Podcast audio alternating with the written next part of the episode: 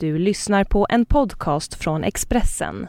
Fler poddar hittar du på expressen.se podcast och på iTunes. Frikyrkliga protester mot öl och vin i restaurangen. Det här är Expressen Dokument, ett fördjupningsreportage. Varje dag med mig, Johan Bengtsson, som idag läser texten Strid om alkohol på kristen camping.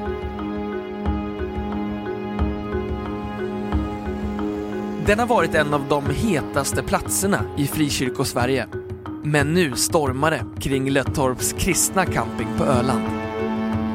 De nya ägarna ska nämligen börja servera öl och vin. Okristligt och sorgligt, tycker grundarna.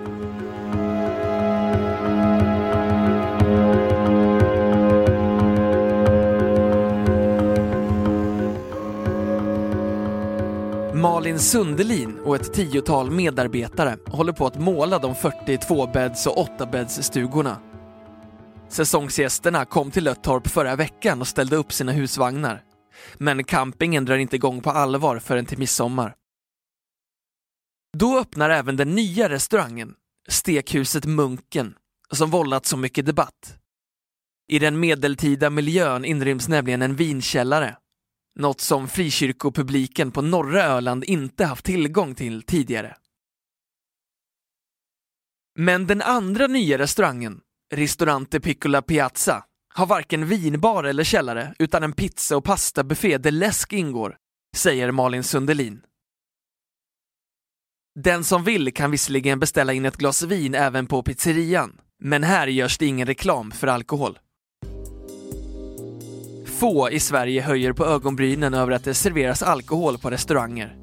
Men Löttorps camping är inte vilken camping som helst. Allt började 1970 när den kristna sånggruppen Bröderna Samuelsson funderade på att ordna ett kristet ungdomsläger. Rolf, Kjell, Olle och Jard Samuelsson har spelat in ett album i countryns huvudstad Nashville och turnerat i USA, Kanada och Europa. Nu undrade musikhandlare Axel Bjurenstedt, som drev en campingplats på Öland, om bröderna Samuelsson inte ville köpa hela campingen. Vi hade aldrig haft en tanke på att köpa en camping. Samtidigt var det något i det som lockade, berättar Kjell Samuelsson för tidningen Dagens reporter Rickard Alvarsson, som gjort en stor granskning av Löttorps camping. Människor strömmade till campingen som flyttade till ett större område och stiftelsen Elka, Evangelisation på Löttorps camping, bildades. Besökstältet där bröderna Samuelsson uppträdde rymde 300 personer. Men det blev snabbt för litet. Till slut köpte man ett tält för 2000 personer och det hölls gudstjänster sju dagar i veckan, flera gånger om dagen. Tidningarna skrev om oss och i tältet var det så fullt att vaktmästaren fick använda skohorn för att få in alla säger Kjell Samuelsson till Dagen.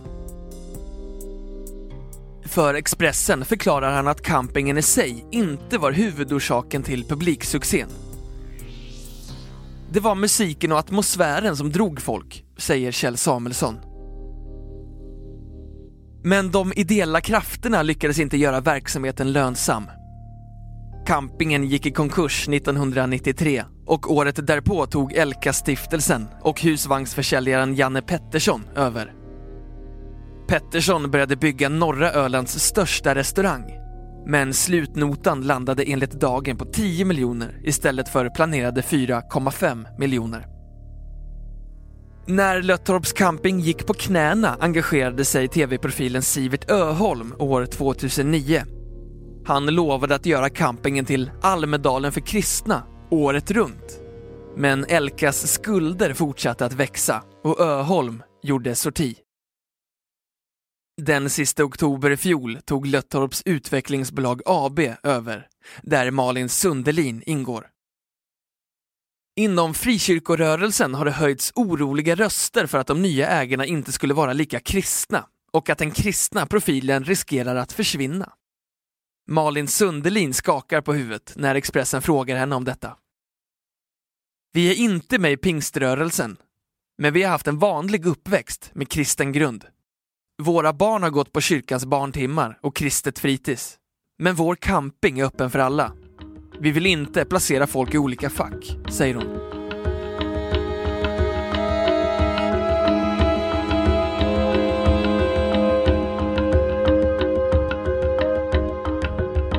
På Löttorps campings hemsida skyltar man inte direkt med det kristna. Här talas mer om den nyrenoverade vattenrutschbanan med hajtema, äventyrsgolfen Animal Kingdom, datorspelsstugan och att anläggningen siktar på att bli femstjärnig. Men Elkas program finns på vår hemsida. Kristna kanal 10 sänder live här i två veckor i sommar istället för en.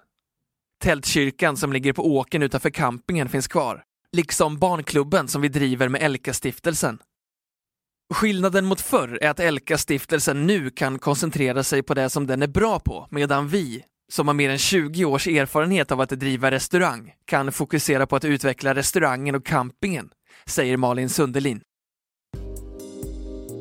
I april i år skrev tidningen Barometern att Löttorps camping måste betala in avgifter för svartbyggen på anläggningen som utförts utan bygglov. 18 stugor renoverades, trots att det bara finns tillstånd för åtta av dem. Men det som väckt mest uppmärksamhet är alltså att det från och med midsommarveckan kommer att serveras öl och vin på restaurangerna. Frikyrkorörelsen i Sverige är tätt sammanknippad med nykterhetsrörelsen. Rusdrycker ansågs splittra familjerna och hindra den demokratiska utvecklingen. Eva Bylander, som driver Gullbrannagården, en camping med kristen profil 13 kilometer söder om Halmstad, förklarar för frikyrkan har det alltid varit viktigt att ha en restriktiv hållning till alkohol och erbjuda frizoner, säger hon. Bylander är även ordförande i föreningen Kristna Gårdar och Hotell, där ett tiotal av de nära 70 medlemmarna bedriver camping. Jag kan säga att det inte är aktuellt för våra medlemmar att släppa på restriktionerna. Det behövs platser i Sverige där man kan semestra i alkoholfria miljöer, säger hon. Och medan TT för ett par år sedan rapporterade om att de frireligiösa samfunden i Sverige har tappat ungefär 10% av sina medlemmar och tidningen Dagens kartläggning visat att mer än en frikyrkoförsamling i veckan lagts ner 2006 till 2011 går det bra för campingarna med kristen profil. Magnus Fahl, lektor på Teologiska högskolan i Stockholm. Man tänker mer kommersiellt nu Engagemanget och den ideella basen har försvunnit. Nu måste man istället följa marknadens villkor. Kyrkan måste hitta ett annat sätt att engagera fritids och sommarsverige. Löttorps campings tidigare ägare, Kjell Samuelsson, kallar beslutet att nu servera alkohol för en degradering. Det förändrar den familjära karaktär som vi byggde upp under så många år. Familjer som besöker campingen kommer kanske inte att känna sig säkra det känns väldigt sorgligt att det ska bli så här. Jag tror inte på den affärsidén, säger han. Samuelsson får medhåll av Mikael Almqvist. Han började jobba på campingen 1988 som rörmokare. Sen blev han vaktmästare och till slut campingchef. 2009 lämnade han Löttorp för gott. Jag är själv nykterist, men många som besökte campingen var inte kristna. De kom för lugnet. Nu blir det som en vanlig camping, säger Almqvist. Enligt Thomas Lönnqvist, teamchef för polisen på Öland, är det generellt lite bråk på norra Ölands campingar. Den kristna campingen sticker inte ut på något sätt, säger Thomas Lönnqvist. Enligt Malin Sundelin är det bara två familjer som varit tveksamma till att komma i år, när alkoholen gör debut på Löttorps camping. Vi har redan nu en 15-procentig ökning av antalet bokningar. Trycket är större än någonsin. De allra flesta tycker att det är jätteroligt med de nysatsningar som vi gör, säger hon.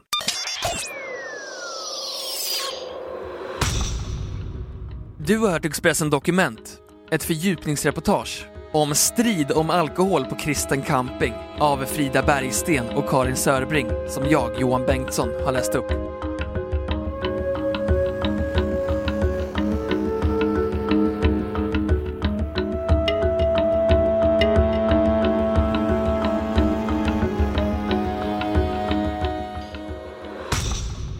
Du har lyssnat på en podcast från Expressen.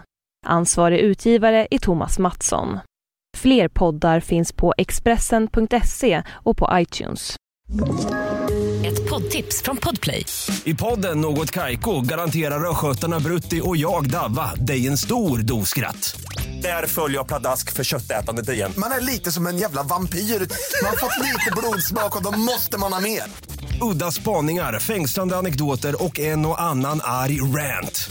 Jag måste ha mitt kaffe på morgonen för annars är jag ingen trevlig människa. Då är du ingen trevlig människa, punkt. Något Kaiko, hör du på Podplay. Därför är gardinerna.